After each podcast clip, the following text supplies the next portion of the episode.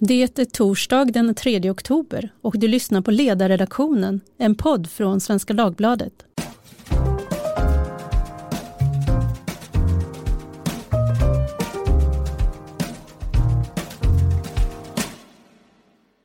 Dagens avsnitt är en inspelning från en lunch med ledarredaktionen som hölls på Playhouse Teater igår. Och det 90 minuter långa programmet är indelat i två delar som vi sände igår och den andra halvan idag. I dagens avsnitt hörs ett samtal där Maria Ludvigsson intervjuar Inger Enqvist under rubriken Svensk bildning och utbildning. Därefter blir det en textläsning av Olof Ehrenkrona på temat kognitiv dissonans. Thomas Gyr, samtidstydning i en form av ett kåseri och avslutningsvis ett samtal på temat Slår tekniken fortfarande politiken? Med Marie Eriksson, Henrik Jönsson, Niklas Lundblad och Tove Livendal. Inger Enqvist är uppskattad eh, kolumnist och skribent i Svenska Dagbladet. Du har varit det sedan 2013. Mm. Tidigare även känd som skribent i vårt format Understrecket. Det är där de mest intellektuella skriver. eh, dina texter handlar i hög utsträckning om bildning och utbildning. Mm. Det svenska skolväsendet och vad som har hänt där. Du brukar eh, ha perspektivet från 60-talet och framåt. Det var då det började bli eländigt. Eh, det här ligger ju i tiden att diskutera den här frågan. Nyligen så meddelade Skolverket att man hade för avsikt att stryka hela antikens historia fram till 1700-talet. Detta oerhörda ingrepp. Eh, och det sa de bara lite ah, vi funderar lite grann på det här. Vad, vad känner ni? Vi hade med dem i en podd på ledarreaktionen och eh, eh, hon från Skolverket sa Ja, det beror på, jag vet inte hur ni känner, ni får väl komma med synpunkter då. Och det gjorde vi. Och det har du också gjort. Historieämnet har 145 timmar under hela grundskoletiden. Det här kan jämföras med eh, idrott och hälsa som har 230 timmar. Det är bara eh, hemkunskap som har färre timmar. Vad är det för tankeverksamhet som har föregått för att man ska landa i detta? Eh, jag tror att det har att göra med en, en samhällssyn och en syn på människan också. Eh, och jag tycker att man kan spåra den ända från att man införde grundskolan. Eh, och i princip, man har i princip så säga, strypt eller man har ständigt så minskat historia och man har låtit samhällskunskap öka. Och jag tror att man kan koppla det här till synen på att det förflutna är mindre viktigt. För nu ska det, det är till och med skadligt eller det är till och med så säga, en belastning eh, hur man ska leva i nuet och man ska se mot framtiden och man tänker sig att man ska skapa en ny människa. Det är ju det utopiska eh, idealet. Och då behöver man så säga inte veta det som är förflutet för det är ju då tack och lov förflutet så man kan, man kan lämna det bakom sig. Eh, och, eh, jag, det, jag, jag, ser inte annat än att det här är en alldeles medveten inställning. Och man ser det i svenskämnet därför att, så att säga, litteraturhistoria läses väldigt lite. Det läses också mindre litteratur utan det är andra saker som man ägnar tiden åt. Och man kan se det lite grann i filosofi, religion och andra och konst där man har en historisk dimension, att man tar bort den historiska dimensionen och sen så lever man i nuet. Och sen så, så lägger man tiden på att eleverna ska uttrycka sig. Och då, då är det, det är ju inte fel att elever uttrycker sig men tidigare så tänkte man sig så här att man ska först studera vad tidigare generationer och vad så att säga, mästare i de olika områdena har, har gjort och, och sen ska man efter det så att säga, försöka att uttrycka sig i, i den mån man kan eller kommentera. Men först så skulle man så säga, studera mästarna på något sätt.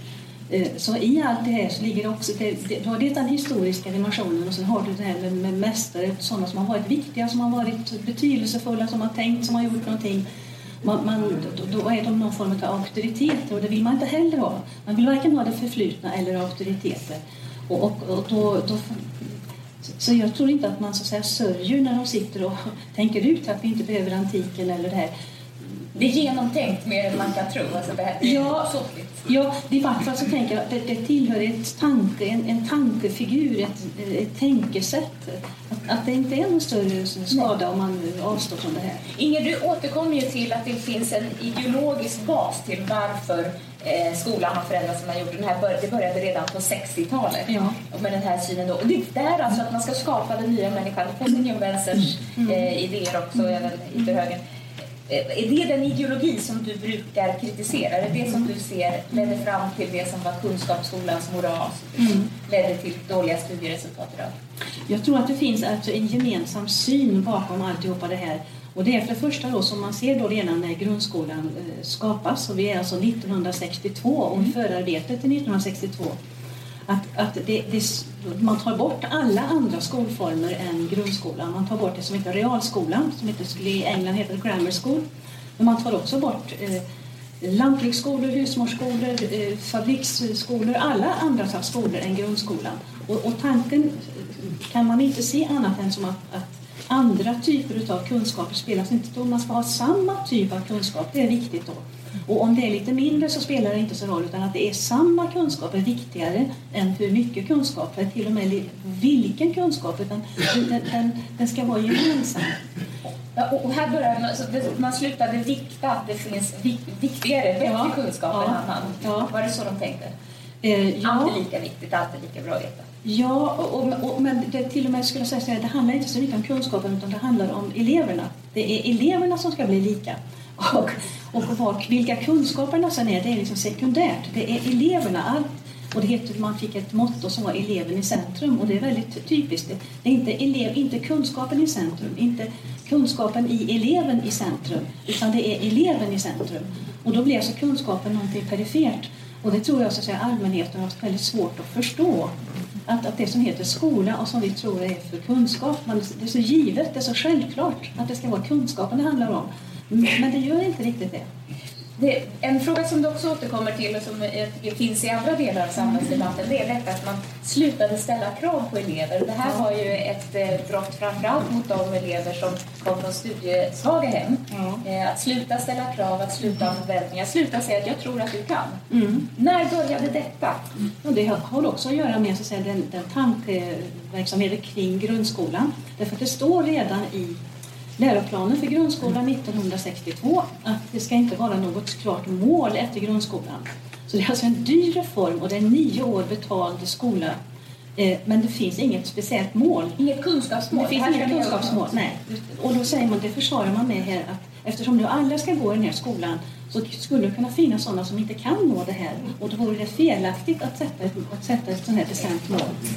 Och vilka drabbades mest av detta? Ja, och då, det, då, då drabbas de svaga av det här och eh, i det här var ju också, det står uttryckligen att normalt så ska elever flyttas.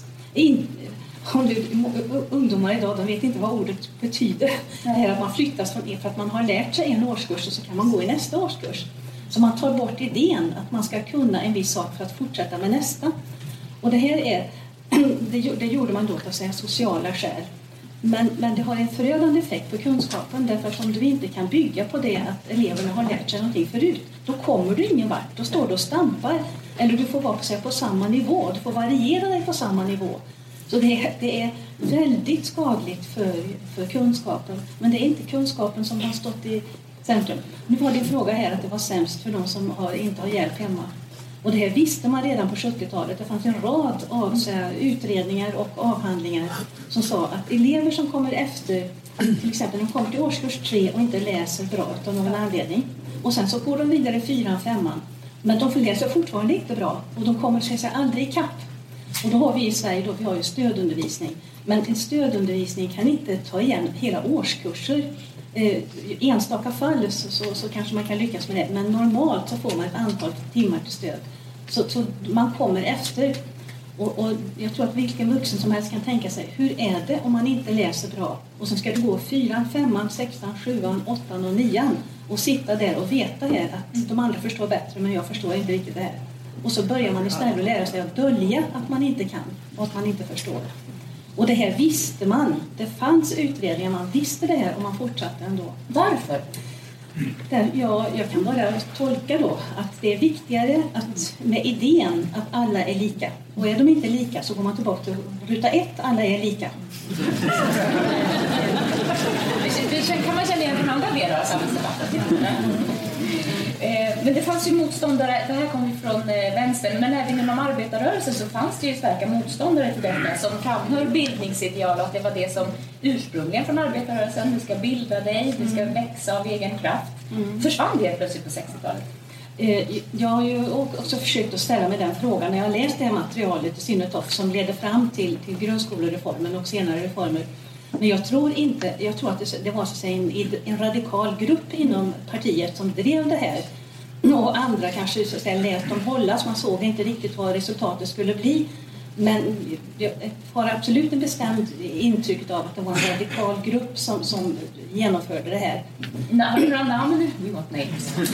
Jag vill säga att de som utmärkte sig det var ju Alva Myrdal och så var det Stellan Arvidsson. De är de absolut stora och viktiga personerna och de kommer igen när man läser protokoll från olika sammanhang och de har suttit i förhandlingar och de har representerat det här.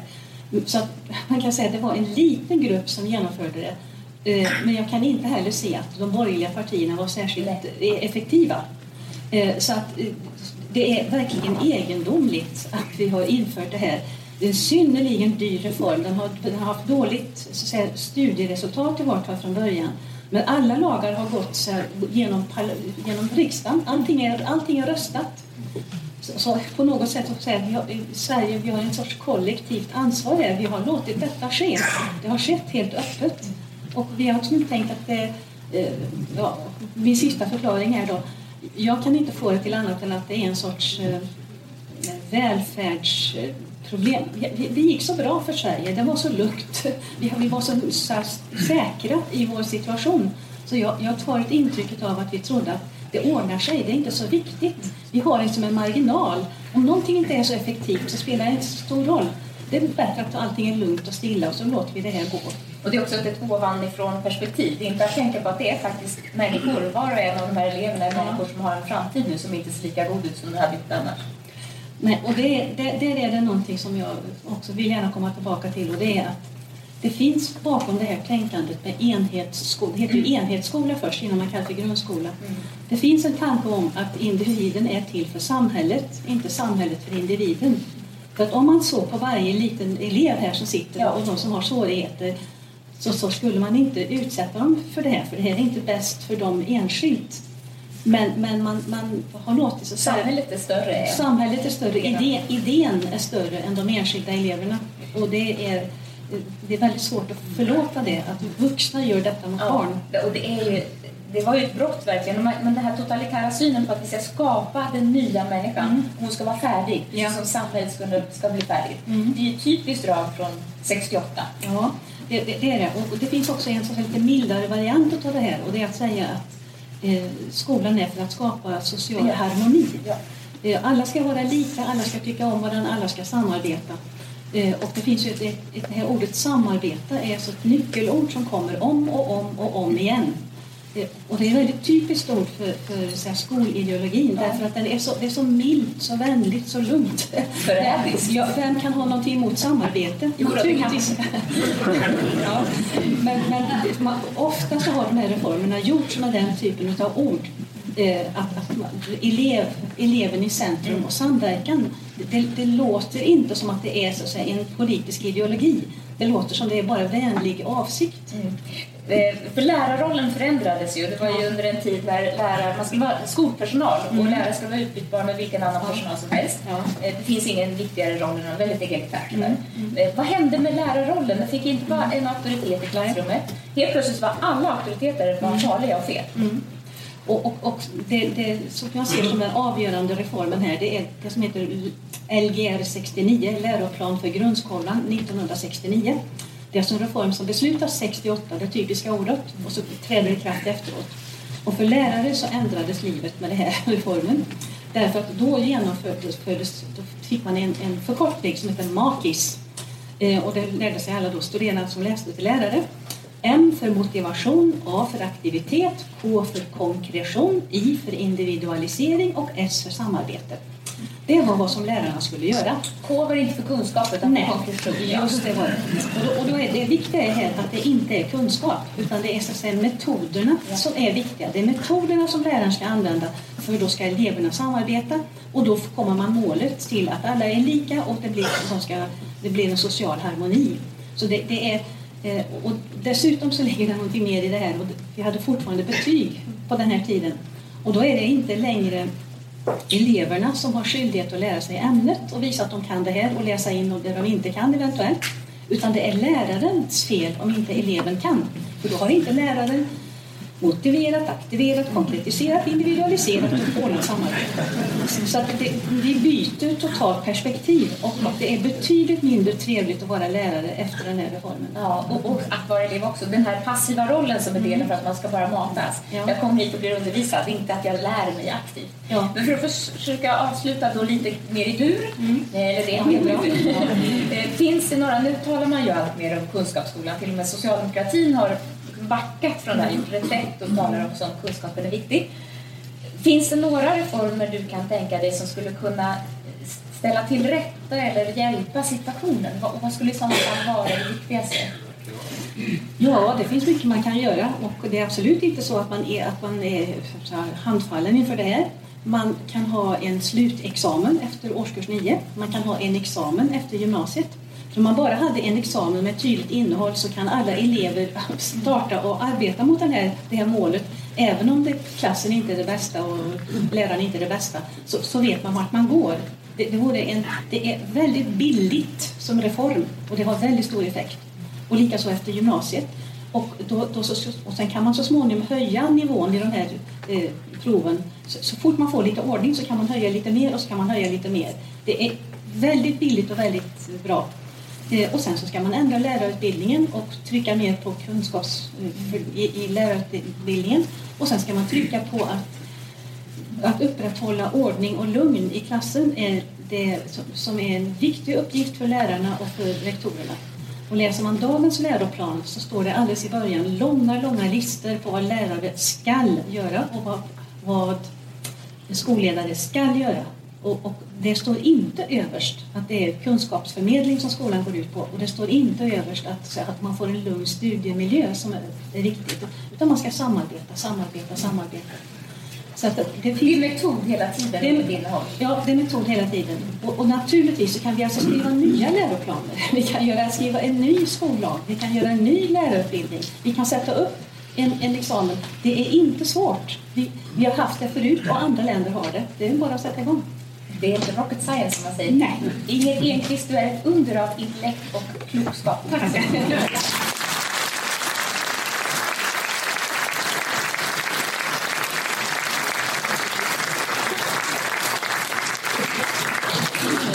Ja, Inger har just beskrivit ett exempel på vad jag kallar för kollektiv kognitiv dissonans. När man gör fel från början måste man fortsätta göra fel ända till slutet för att visa att man gjorde rätt från början. Eh, och jag ska läsa en text som är lite problematisk tempusmässigt för en del av det som i texten liksom i framtiden pågår just nu. Eh, subjektet här, eller den viktigaste institutionen här, den har faktiskt bara tio år på nacken. Eh, och eh, den är en främmande fråga i ett land som saknar en skriven konstitution. Det handlar om den brittiska högsta domstolen som eh, har tillkommit för att införa en konsekvent lagprövningsrätt i Storbritannien till förmån för individens frihet och oberoende. Och som fick hantera en nästan tusenårig konflikt i Storbritannien mellan den exekutiva makten och parlamentets lagstiftande och kontrollerande makt. Högsta domstolens beslut att ogiltigförklara ajourneringen av underhuset var det värsta tänkbara utfallet för den brittiska regeringen. Elva domare, maximala antalet i en fullsutten domstol, har i total enighet förklarat att premiärminister Boris Johnson handlade olagligt när han uppmanade drottningen att aktionera parlamentet under fem veckor som föregick det kritiska utträdesdatumet den 31 oktober. Den konstitutionella kris som många har förutsett har till slut exploderat i ansiktet på premiärministern. Nästa vecka, det vill säga denna vecka, samlas Torypartiet för sin årliga kongress och det är ett parti i kris som för första gången möter sin nyvalde ledare. En ledare som just har uteslutit 21 av parlamentsledamöterna, som saknar majoritet i parlamentet och vars personliga förtroende ligger i spillror. Boris Johnsons förhållande till sanningen har länge varit en svag punkt. När han nu dessutom beslår med att ha föreslagit drottningen att handla olagligt är detta också ett personligt slag av betydande dimensioner.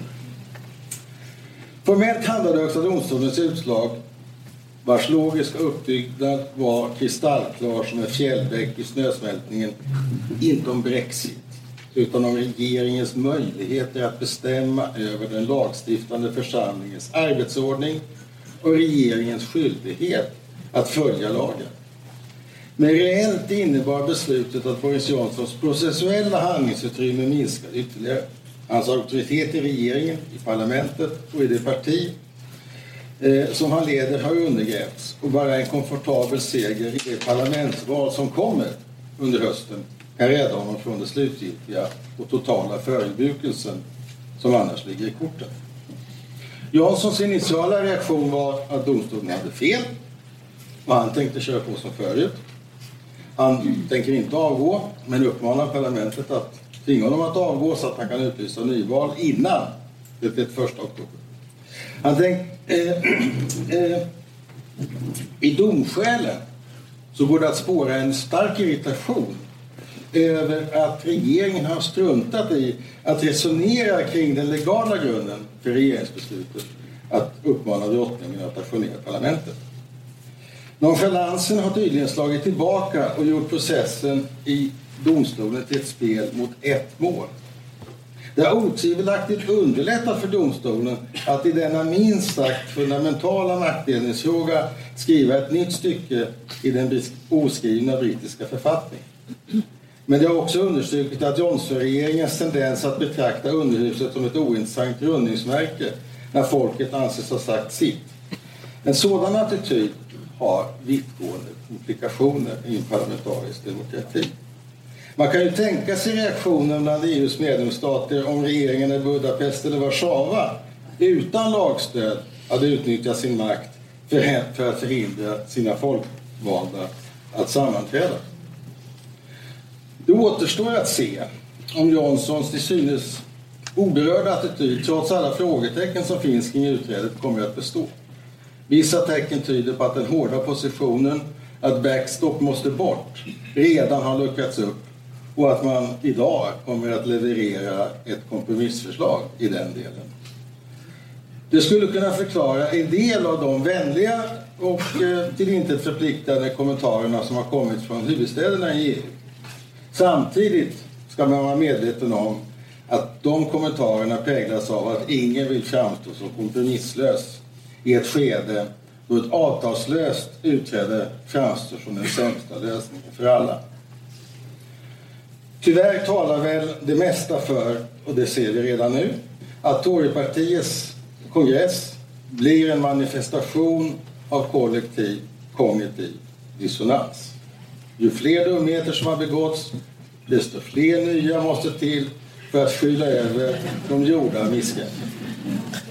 Kognitiv dissonans är en mycket olämplig strategi när den tillämpas av oss enskilda individer. För kollektiv är det närmast att likna vid lämmeltågets gemensamma och målmedvetna vandring mot avgrunden.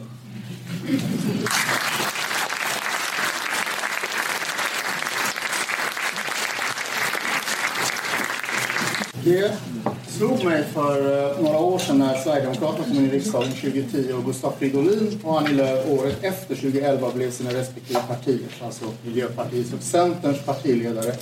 Att nu hade vi åtta partier i riksdagen och samtliga dessa partiers ordförande hade en bakgrund i sitt partis ungdomsförbund.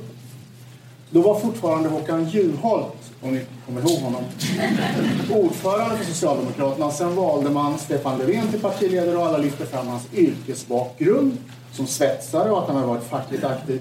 Men också Löfven har en bakgrund i partiets ungdomsförbund. Och det här mönstret ändrades inte när Moderaterna under tiden bytte partiledare två gånger. I januari 2015 med Anna Kinberg Batra och i september 2017, oktober 2017 med Ulf Kristersson. De kom också från sitt partis ungdomsförbund.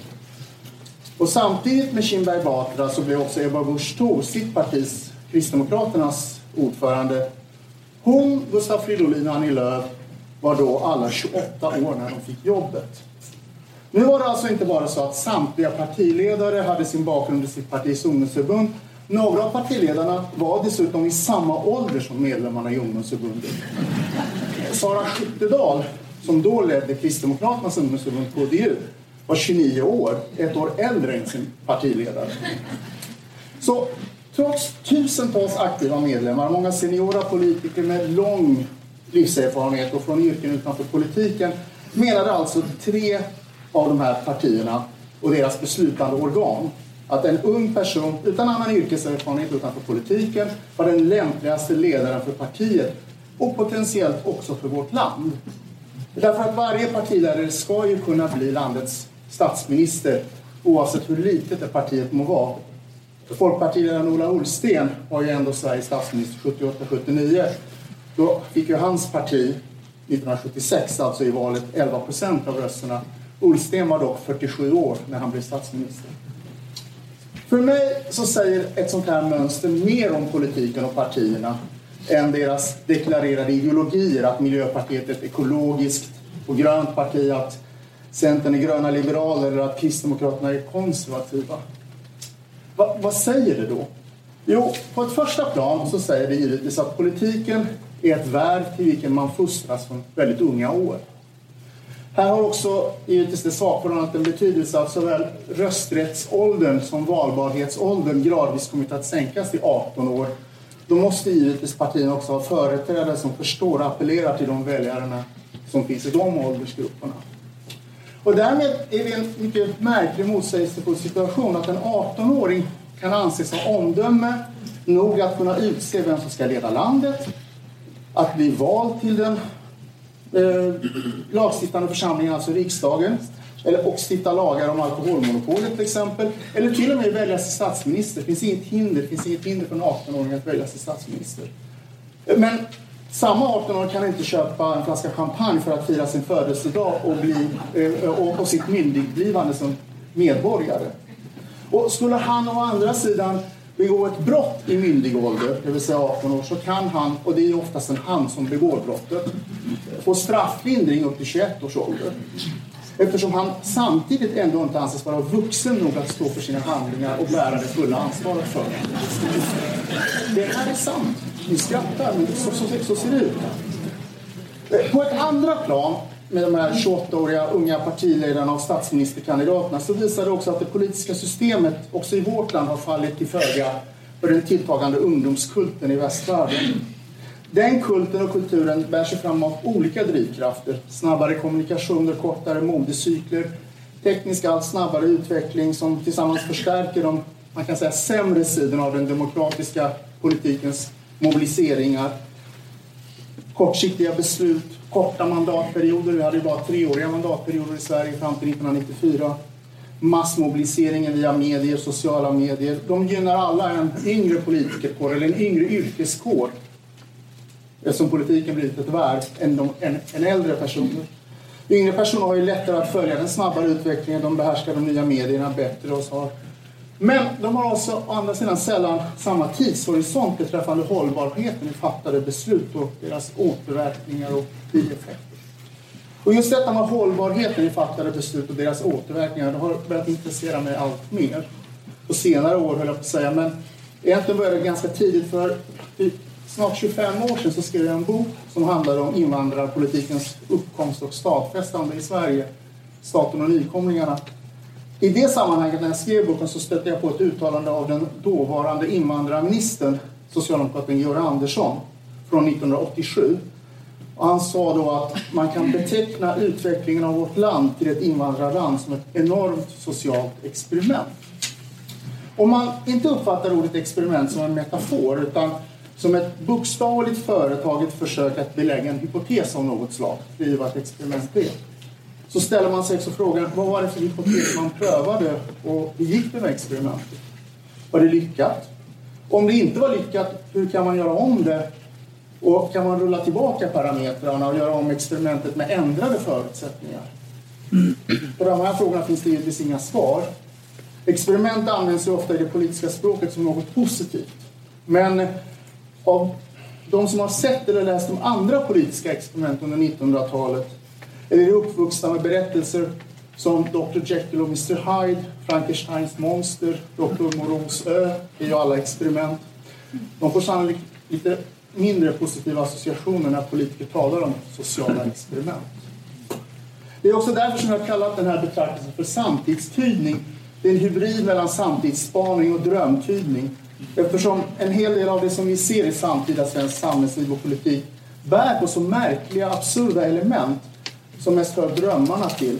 Och som till exempel omfattande samhällsexperiment utan återvändo. 18-åringar som kan stifta lagar men som inte är myndiga att ta sitt straff förrän de är tre år senare. Hur det samhälleliga experimentet med immigrationen till Sverige kommer att slå ut socialt, det vet vi ju inte än. Men politiskt så har vi ett facit och faktum är att vi lever i detta facit idag. Och så här ser detta facit ut.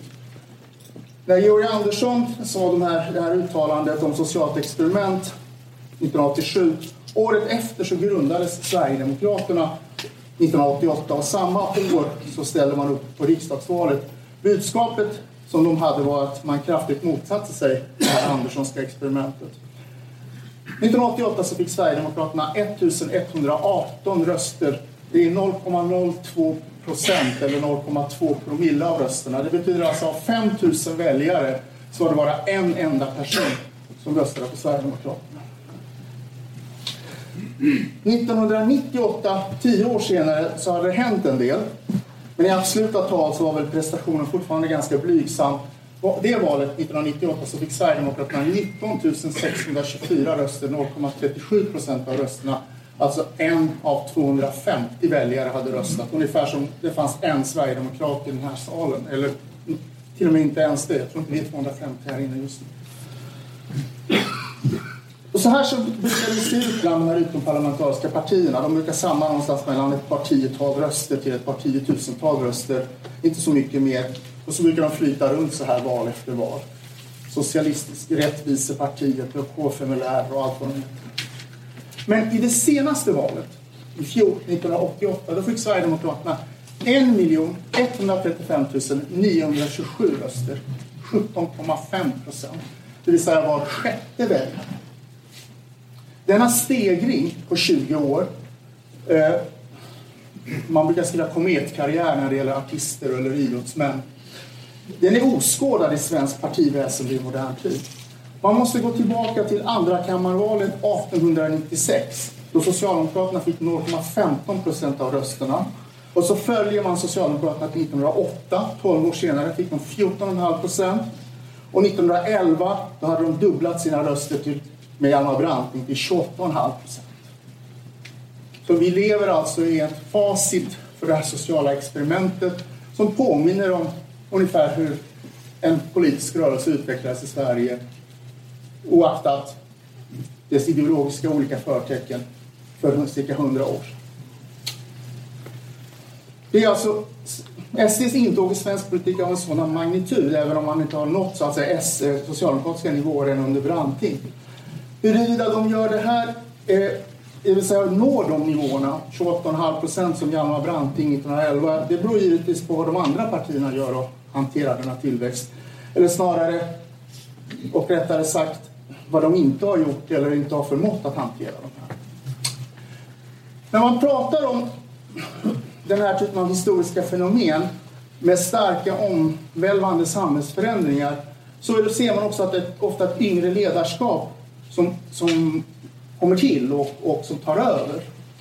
Eh, klassiskt exempel är William Pitt den yngre. Han var 24 år när han blev Storbritanniens premiärminister i november 1783. Jag träffade själv Maklar på 90-talet, eh, Estlands premiärminister, 31 år gammal. Hans försvarsminister och senare utrikesminister Jurelik var 27 år. Jag då typ 33 och undrar vad jag har gjort med mitt liv. Eh, och det påminner ju då lite grann om den här gamla turkiska historien med sonen i nazisten som kommer hem med första terminsbetyget. Och så säger pappan, vad är det här för ett betyg? Mustafa Kemal Atatürk, han var etta på kadettskolan när han var i din ålder. Pappa säger sonen, när Atatürk var lika gammal som du så var han landets president.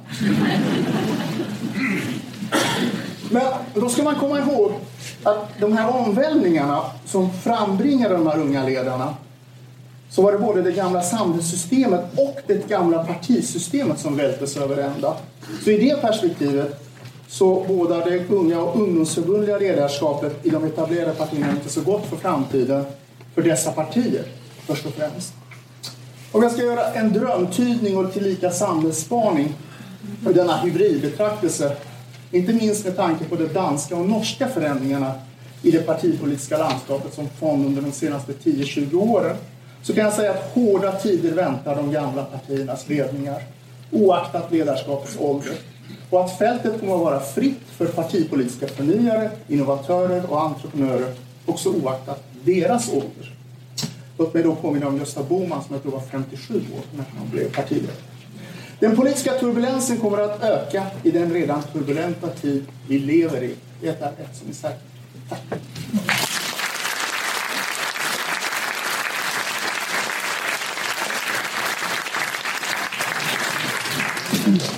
Välkommen upp här.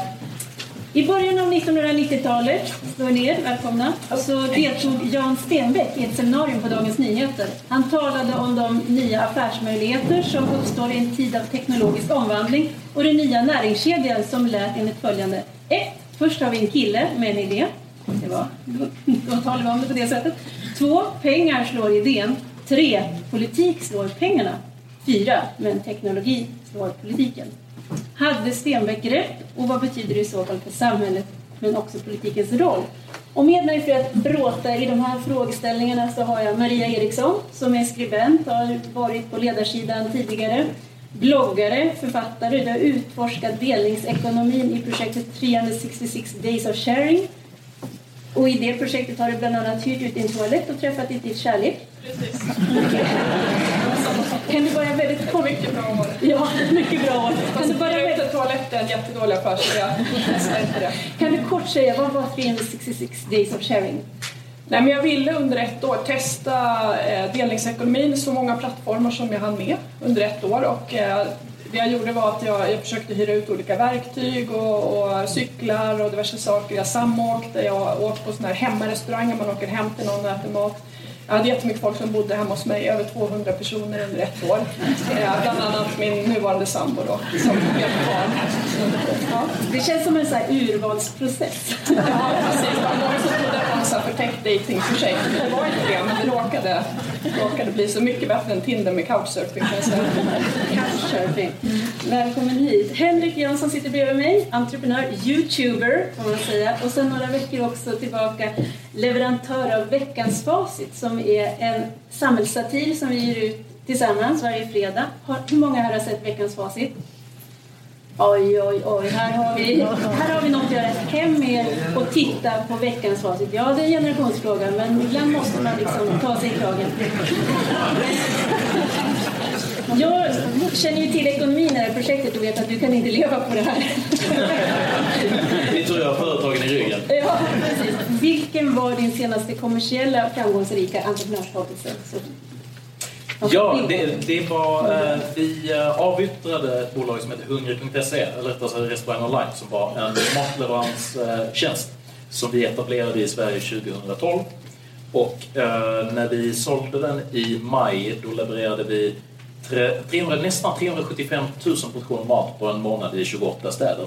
Så det har vuxit på och eh, då blev vi förvärvade av vår största konkurrent som vi hade bråkat med jättelänge, så nu är vi jättegoda vänner. Det är bra.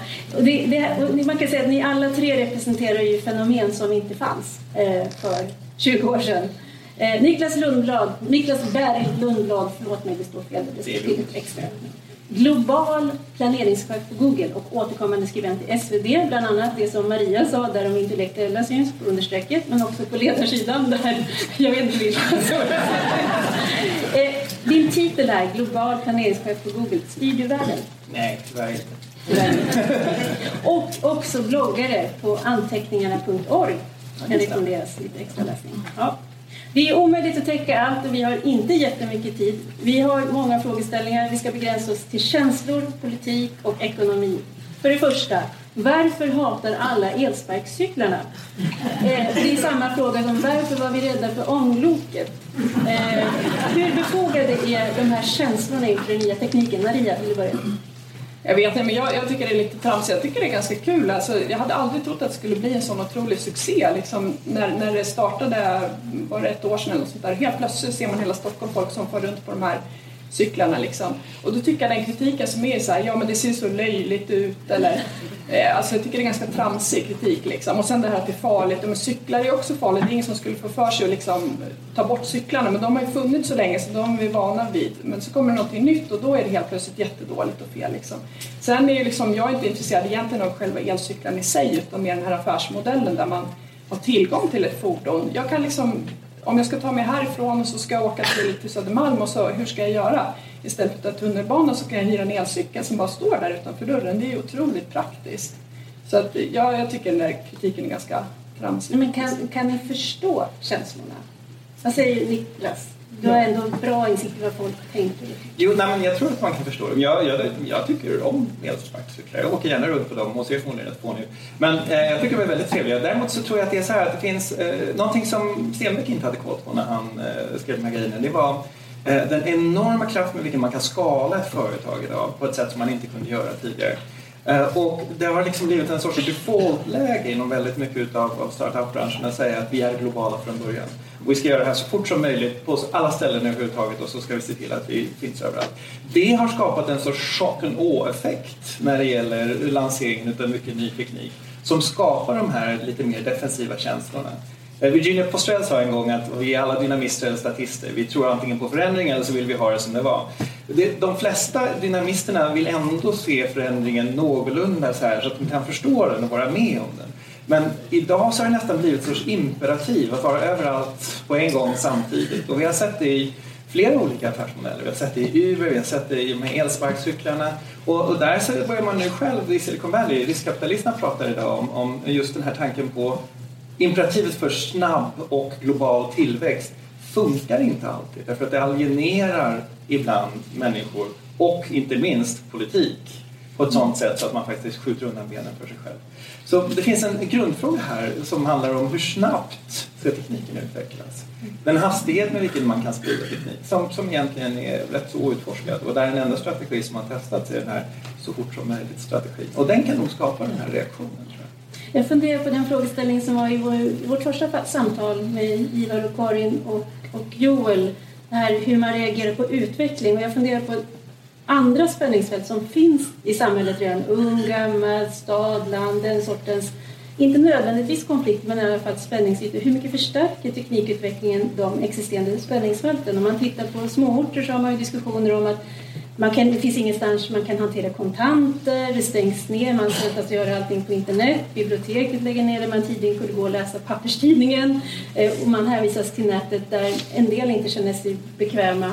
Eh, hur kan man använda tekniken för att inte ge mer vind i seglen åt den sortens nio bortglömda retorik som ändå förde Donald Trump till den position han har idag? Jag, jag skulle säga så här, det finns en sån här gammal axiom um, som säger att när ny teknologi dyker upp och man är 20 år gammal, då är det toppen och det är någonting som hänger samman med hur själva verkligheten är beskaffad. Ny teknologi som kommer när man är 30 år gammal är möjligen en ny spännande karriär och teknologi som kommer när man är 40 och äldre är onaturlig och borde inte ha genomförts överhuvudtaget. Man måste ha det där med sig. Jag tänker på både på liksom el, elsparkcyklarna som är ett fascinerande kapitel för att de dök upp jättesnabbt och sen så parkerar folk dem lite slarvigt. Och är man då i kategorin, jag är också 40 plus, då, då jag tycka, det är slarv att de där står och dräller överallt. Men samtidigt, så det är ju en fantastisk utility. Alltså att, att man kan använda de här på det här sättet, det är oerhört dynamiskt. Så att, jag, jag vill nog koppla tillbaks till vad du säger lite politisk finess från företagsmässigt håll när man introducerar ny teknologi. Min, min pappa är vad jag närmast skulle säga ludit. Han, äh, han, han, är, när jag datoriserades som barn så tog han till gåspenna. Men han har en iPhone nu för att den är så bra, att han begriper sig på den. Så att ansvaret ankommer nog på den som vill effektivt och slagkraftigt introducera ny teknologi. Att vara lyhörd för att göra det på ett sätt så att man inte upprättar en onödig barriär. Av att, nu har du allt det här, det är din 40 plus-profil, du är chanslös. Om jag tänker man tittar tillbaka på litteratur, vi har ju några sådana här verk som alltid återkommande hänvisas till. Det är Karin Boyes Kallocain och sen har vi George Orwells 1984. För min egen del så tänker jag ju dagligen, nej inte dagligen, det gör jag inte, men lite återkommande på omslaget till Fredrik Reinfeldts bok Det sovande folket. Där det liksom, han sitter med en slags fjärrkontroll fast sover liksom. Och det här är ju mobilen idag som vi inte gör någonting utan och som på något sätt har förslavat människan. Så att vi har ju alltid brottats med känslor inför vad som ska komma och det har ofta varit det ganska negativa. Men nu när man tittar på vad som händer i Kina med massövervakning så tycker jag att man får lite skäl till att ändå känna att en del farhågor var befogade. Vad säger ni om det? Ja, men jag måste bara säga, jag var också kanske lite så här ludit förut. Jag skaffade ju smartphone åtta år efter mina kompisar. Alla Alltså, du måste ju ha sådana här telefoner. Och jag kände lite så här, precis det att alla sitter med telefonen i hand och man kan liksom inte ens ha, äta middag ihop utan att någon börjar eh, börja gå in på Facebook och sånt där. Jag, jag hade liksom den här idén att tekniken eh, liksom fjärmar oss från varandra men sen till slut så skaffade jag den här telefonen och har liksom verkligen tänkt om att det här, i det fallet så tror jag att det handlar mycket om hur vi utnyttjar tekniken. Det är inte tekniken i sig som är problemet utan hur vi använder den och det är väldigt mycket upp till oss själva. För jag upplever ändå att i mitt fall så har det verkligen inneburit att jag har fått kontakt med människor så att liksom genom att bli mer digital så har jag blivit mer social. Jag har träffat personer som jag aldrig skulle ha kommit i kontakt med tidigare. Eh, så, så jag ser den liksom positiva biten. Sen är det klart att teknik kan utnyttjas negativt men jag tycker att det är lite konstigt att, att dra parallellen till liksom Kina. Det är ju ett, ett väldigt eh, auktoritärt eh, samhälle. Det är politiken som är felet där snarare än i första hand tekniken. Alltså det finns många länder som använder liknande övervakningsteknik men som inte är, har samma politiska system testkameror per invånare finns fortfarande i Storbritannien till exempel. Mm. Det är intressant som tusan. Det finns en teknikhistoriker som heter Velvin Kranzberg som är ett tillfälle myntade vad som kallas för Kranzbergs lag som är teknik är inte ond eller god eller neutral. Och själva innebörden i den lagen är väldigt enkel. Det, är, alltså, det handlar om kulturell kontext, det handlar om politik, det handlar om människor, hur människor till sist eh, använder och utvecklar integrerar den här tekniken. Jag var i Beijing förra veckan. Eh, de hade ju skärpt övervakning och sådär inför det här 70-årsjubileet och sådär. Och jag, jag tror absolut inte att det är tekniken i sig som driver fram ett visst givet beteende. Utan jag tror, och det är också när du läser Orwell, när du läser 1984, det handlar om människorna och deras roll i förhållande till tekniken. Och där finns det en roll som oss politiska varelser men också som privata varelser. Det finns, tittar man på mobiltelefonen så säger man att den har förslavat oss. Då placerar man sig omedelbart i en offerposition. Och här finns det ju, om man går tillbaka hela vägen till antiken, det finns en underbar diskussion om något begrepp som kallas för akrasia viljesvaghet. Och frågan är hur hanterar jag den frågan? Precis. Ja, hur, hanterar, hur hanterar jag frågan om hur jag hanterar tekniken visavi vad jag själv vill göra för någonting? Och där finns det då olika svar på det, men jag tror inte svaret kan bli att man tar bort tekniken, utan viljesvaghetsfrågan är faktiskt central. I Sverige löser vi genom att ta bort antiken ja, precis. Det, det, finns en illustration av eh, någonting som ni båda touchar på. Jag vet inte om ni såg det, men det var för ungefär två veckor sedan så gick det en viral meme där en fotograf hade retuscherat bort mobiltelefonerna ur händerna på folk. Det är så par som ligger vända från varandra med och stirrar tomt i sina händer. Som en illustration över alienationen då som den här teknologin skapar i vår situation. Men sen var det någon rolig person som retuscherade bort kameran ur händerna på killen som hade tagit de här fotona. För att illustrera liksom, så här, ja, men då, då, ser du också fånig ut. Och, och, menar, poängen där är ändå på något sätt att teknologin i sig är inte problemet. Då, blir du, då, då går du amish-väg om du försöker sluta i en, generell teknologi. Men jag upplever också att det tar lite tid liksom, innan man vänjer sig. Det kanske är som med sparkcyklarna. Det kommer någonting nytt, folk vet inte hur de ska köra, var de ska ställa dem och sen liksom, om ett år så kommer det inte vara ett problem längre. För jag är likadant med mobiltelefonerna. Liksom först är folk så här, oh wow, jag har liksom allt det här i telefonen. Och sen, nu är det jättemånga som pratar om det här. Liksom man ställer in sin skärmtid och hur ska jag begränsa det här och vad ska jag använda till och så vidare. Att vi liksom lär oss att hantera det. Det är en pågående förhandling. Ja, teknik är en pågående förhandling. Man tror att teknik är ett substantiv med ett verb. Och tänker man på det som en sorts liksom förhandling som man hela tiden genomför med sig själv och inte minst sina barn, så gudarna veta, eh, då, då ser man ju mycket tydligare hur den utvecklas över tid. Och det där tror jag är, det där tror jag är ett nyttigt perspektiv. Vi måste komma in på politikens roll, för det har ni ju spontant nämnt nu. Och eh, det är ju alltid så att saker och ting händer någonstans i samhället och sen kommer det till den mest reaktiva Sverige av dem alla, nämligen politiken. Och de tittar i verktygslådan och säger begränsning, förbud, censurering, sortering, lagstiftning och sådär. Och så är det ju också med väldigt många av de fenomen vi ser nu. Vi har demonstrationer kring Airbnb och Uber och alla de här företagen i delningsekonomin som har ritat om hela kartan. Vi hade ju ordning och sen kommer det någonting som skapar oordning. Maria, hur bör politiker göra när det kommer sånt som verkligen bara ritar om kartan? Vad är liksom instinkt? Jag måste ju säga det apropå toaletten, det tog ungefär en vecka. Jag var med i TV med min toalett och stod en vecka så var det interpellationsdebatt i riksdagen. Nu har vi sett en kvinna som hyr ut en toalett och hur ska vi beskatta det här för Och jag har liksom fortfarande inte tjänat en spänn på den här toaletten.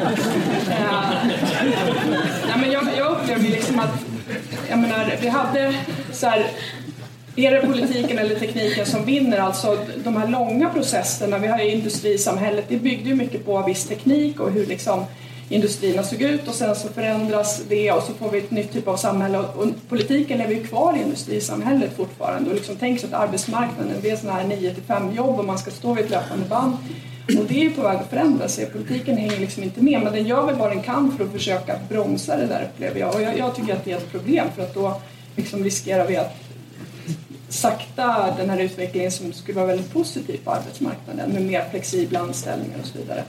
Så, så jag tycker att liksom, ja, politiken för, för mycket försöker pressa in det här nya i en befintlig mall. Liksom. Och det kommer vara väldigt svårt att göra det tror jag i det långa loppet. Mm.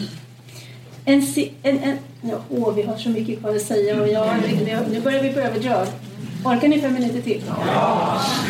Och ni som verkligen har en tid att passa är, är ursäktade. Joel, få en påse. Alla, alla exan är. Eh, jag funderar också på systemet runt omkring kapitalismen. Den lilla frågan.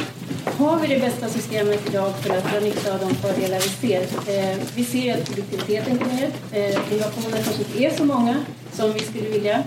Eh, och uppfinnarna klagar samtidigt på att de inte får skydd för sina idéer. Skulle någonting behöva ändras? Men säg så här, om vi knyter det här till frågan du precis ställde om politikens roll. Ehm, jag har en sommarstuga intill en eh, riksdagsledamot och vi tycker olika i många frågor men vi brukar grilla tillsammans om somrarna, det är väldigt trevligt. Han sa till mig nu i somras faktiskt det känns skönt nu vi, vi har kommit över tröskeln med den här digitala disruptionen och börjar få ordning på, på samhället igen. och, och mina sinnesorgan smälter ur ansiktet på mig. Um, jag tycker att det är en talande illustration av ett tillkortakommande som politiken ibland har. Det är för att det, det finns ett incitament att söka sig mot ett status quo där, där alla storheter är kända, där kapitalismen representerar i sin bästa form innovationsbenägenhet och det är per definition också någonting som är disruptivt, det är att vi introducerar nya element och kartan ritas om.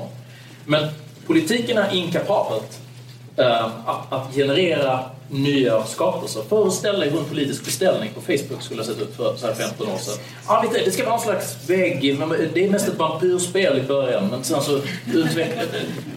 Du hade inte kunnat äska pengar på det sättet. Eller så hade du det och det hade varit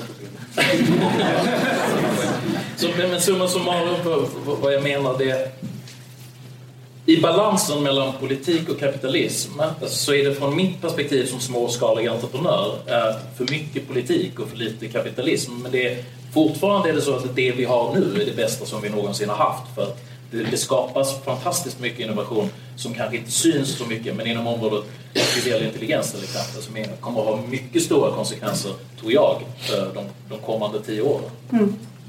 Luciadagen 2013 så skrev vår tidigare kollega Per Gudmundsson artikeln Flat Rate från andra sidan graven och det handlade just om den Stenbeck då som inledde med och det handlade om så kallad roaming, något som EUs politiska tjänstemän höll på med ett decennium att försöka hantera. Och det handlar ju om när mobilkunden lämnar ett land till ett annat och samtidigt tvingas byta mobiloperatör. Man har inte kontroll på vad det kostar.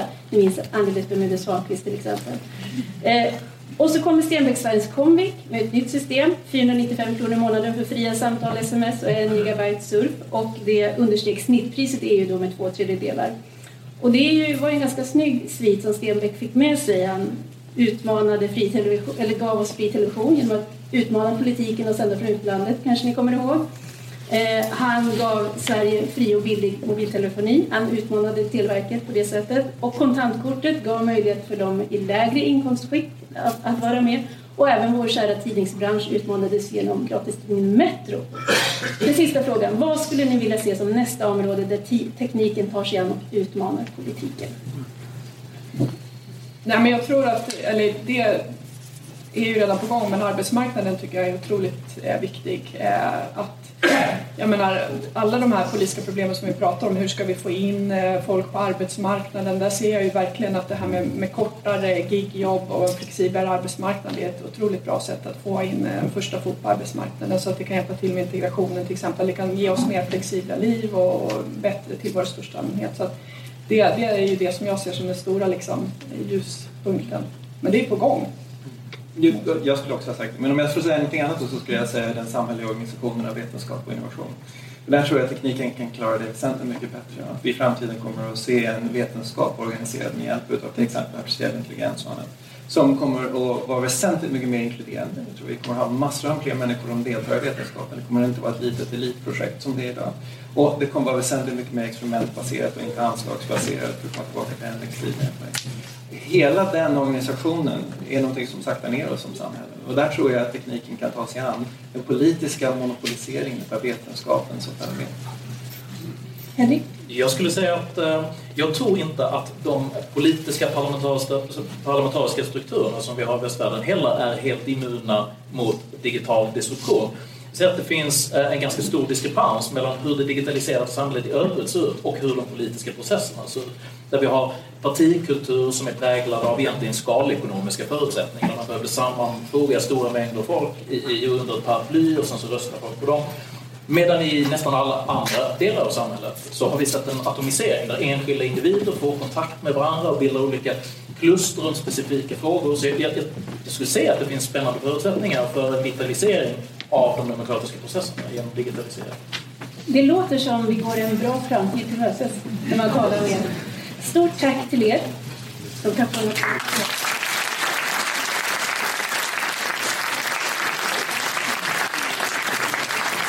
Tack till er som har lyssnat. Hör gärna av er till ledarsidan svd.se för frågor eller synpunkter. Tack för idag!